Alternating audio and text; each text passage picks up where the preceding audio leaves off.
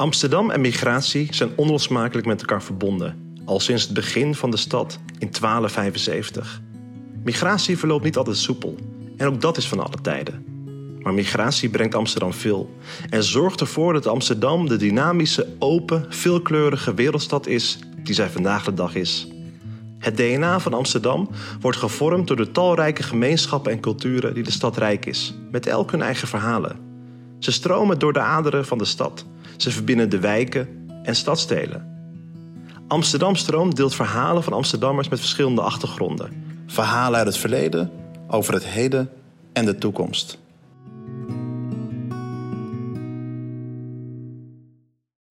We vertellen het verhaal over de totstandkoming van het huidige Amsterdam-Noord door de verhalen van vijf Noorderlingen met en zonder migratieachtergrond, die op verschillende momenten in hun leven en in de geschiedenis van het stadsdeel om verschillende redenen in Noord zijn komen wonen.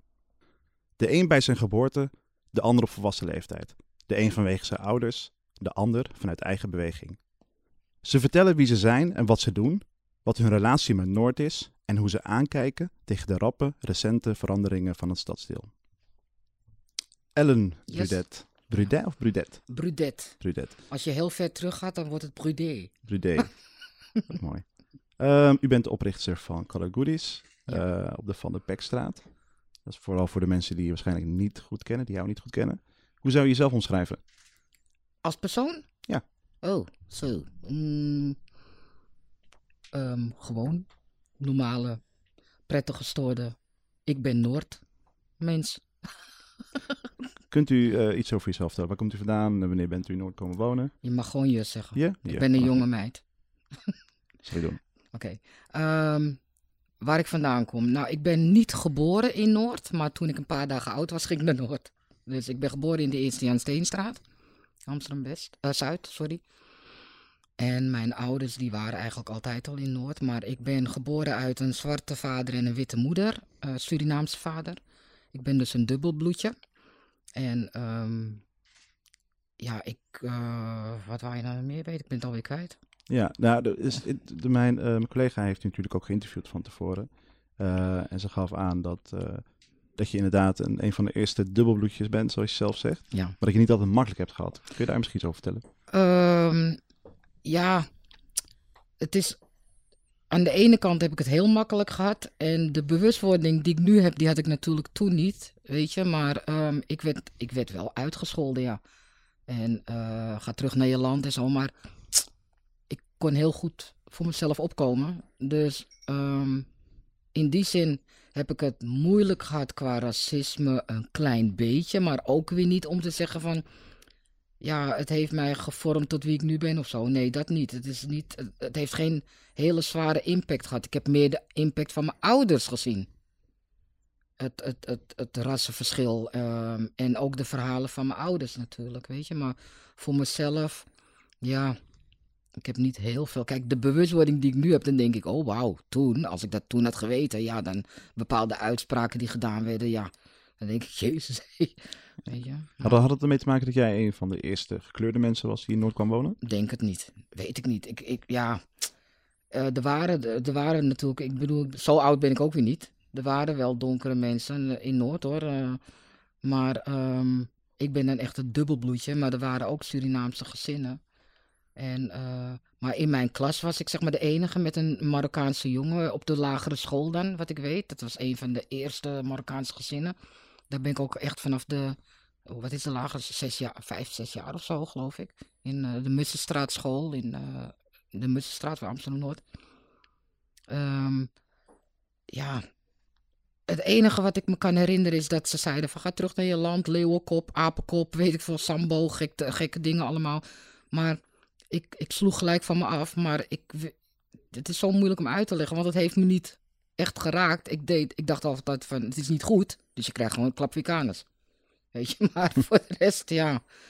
Ehm, maar wel met mijn ouders zag ik gewoon bepaalde dingen, de, hoe volwassenen deden. Dat was mij wel echt heel erg opgevallen. Ja. Ehm, ehm, we hoeven het natuurlijk niet alleen maar over kleur te hebben. Ja. eh, want je bent natuurlijk veel meer. Je bent een ondernemer. Je, Ja. je hebt waarschijnlijk familie. Je bent familiemens. Of, we hebben zoveel meer identiteiten. Ja, Maar tegelijkertijd denk ik ook van, als ik kijk naar je zaak, Call It Goodies, dan kan ik me voorstellen dat, eh, de dingen die je hebt meegemaakt, dat die wel meegespeeld hebben in uiteindelijk in wat je nu doet. Absoluut. Ja, zeker. En een heleboel. Vandaag, vanmiddag vroeg nog iemand, maar ik snap gewoon niet dat jij die winkel in Amsterdam Noord hebt. En het enige antwoord wat ik dan kan zeggen, als mijn ouders hun liefde konden weerstaan, wie ben ik om op te geven? Ik ga juist wat betekenen in Noord met mijn black shop, hè, want het is een black shop in een witte wereld. Zo, dit is best wel hè, heftig. Maar ehm, het heeft wel meegespeeld, gewoon uit het feit dat ik heel veel gemist heb in mijn jeugd qua producten en speelgoed. Dat is natuurlijk een ander verhaal dan hè, eh, het racisme van persoon op persoon. Maar de winkel is echt ontstaan uit het feit van wat heb ik eigenlijk gemist als kind zijnde en ja, wat, wat moet ik opvullen in deze maatschappij? Ja, um, prachtig. Volgens mij, jouw winkel bestaat al voordat die hele discussie bestond natuurlijk over poppen en over speelgoed. Um, um, kun je me een beetje meenemen in de oprichting van je zaak en, en ook de klanten die bij jou voor de vloer kwamen? Ehm, nou, je moet niet vergeten, ik heb voordat ik de winkel kreeg, 14 februari 2016, heb ik de winkel geopend. Dus ik ben pas vijf jaar uh, nu de winkel. Maar daarvoor stond ik vier jaar op de markt. Bij Zoetermeerplein en van de Pekmarkt. En het was een zware periode, want niemand geloofde eigenlijk in mijn concept. Ook de mensen om me heen, een handjevol mensen die geloofden. De rest zei van, nou kom op nou, meen je dat nou echt wat je gaat doen? En ik zeg ja.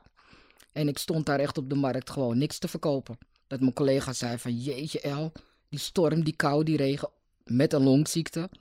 En ik zei ja, ik ben nodig, ik weet het zeker. Dus uh, de mensen die kwamen, die keken echt zo van, wat is dat nou weer? Weet je, die zwarte poppen, wat, wat, wat, wat, Ze vonden het raar. Maar ik had zoiets van, ze vinden het raar omdat ze onwetend zijn. En ik ga ervoor zorgen dat ze bewustwording krijgen. En uiteindelijk is dat echt, ja, dan komt er één. En dan komt er twee. En ik bleef, ik trok mensen in die, in die, in die kraam gewoon van, hallo, kom hier.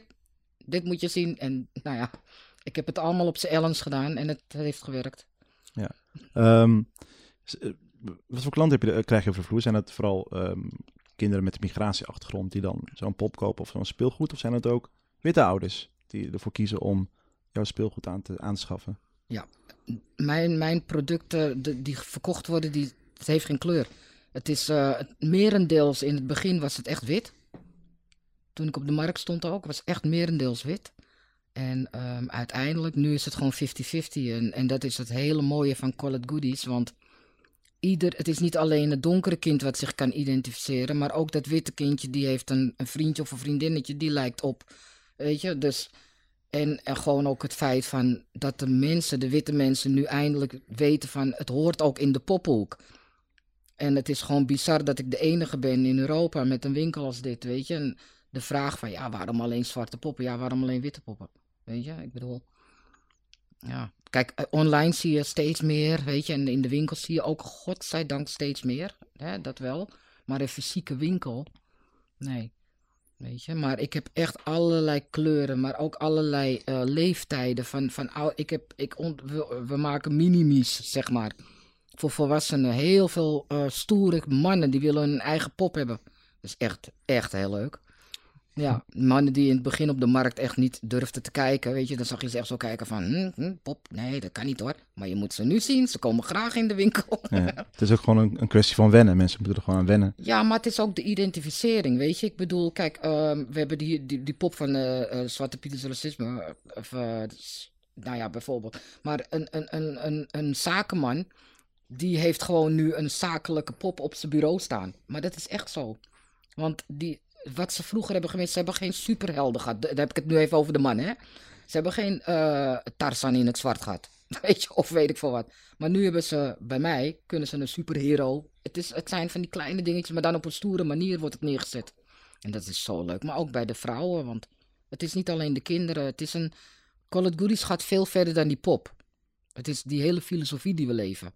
En die bewustwording en die erkenning en die herkenning en bla bla bla bla. Ik heb twee dagen nodig hè, om te praten over Call Hebben we niet. Laten we dan maar naar een ander onderwerp gaan. Um, um, de ontwikkeling in Noord. Ja. Uh, enorm booming, uh, veel toerisme, et cetera. Super makkelijk om er nu te komen. Hoe ja. kijk je tegen die ontwikkeling aan? Ja, nou, dat is bij mij dubbel. Want uh, ik ben daar heel erg voor in de business, hè, natuurlijk. Want dat heeft me ook gebracht waar ik nu ben. Dus en ik vind de ontwikkelingen erg mooi. En aan de andere kant ben ik ook weer van de Verdedig Noord. Van, hallo, weet je, gentrification, eh, allemaal leuk en aardig, maar vergeet de Noorderlingen niet. En daar heb ik diverse meningen over. Weet je, ik bedoel, ik zie de ontwikkelingen. Hé, hey, ik, ik was weg. Oh. Ik zie de ontwikkelingen echt goed, maar ik zie ook het, het pijnlijke in de ontwikkelingen van mijn mensen, van mijn Noorderlingen. En gewoon het weggetrapt worden eigenlijk, aan de kant worden geschopt. En ja, als je geen, uh, op dit moment bijvoorbeeld alleen al in de Van de Pekstraat. Uh, ik zou in de supermarkt heb ik nog nooit quinoa gezien. Ik wist niet eens wat het was. Dus weet je, nu moet je gewoon superfood eten en zo.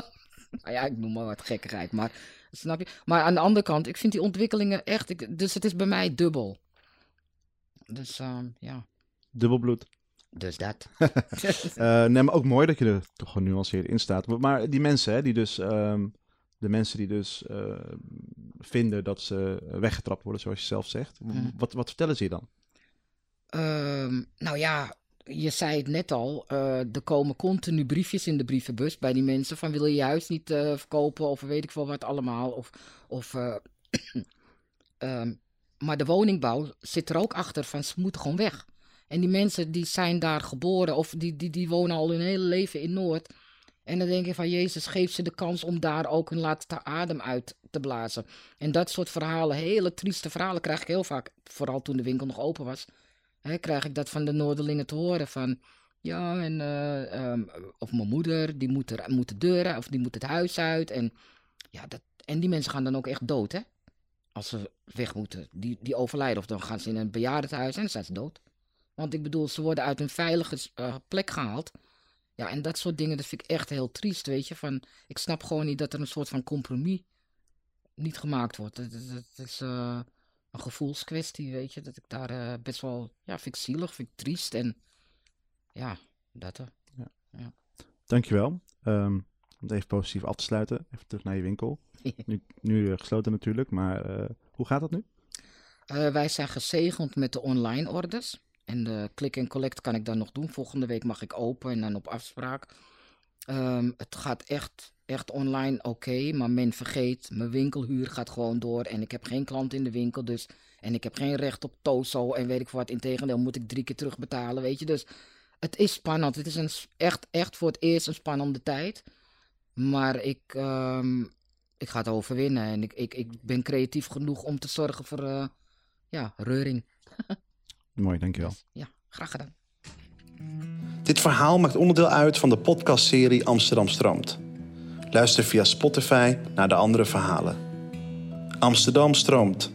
Amsterdam deelt haar verleden en Amsterdam deelt haar toekomst.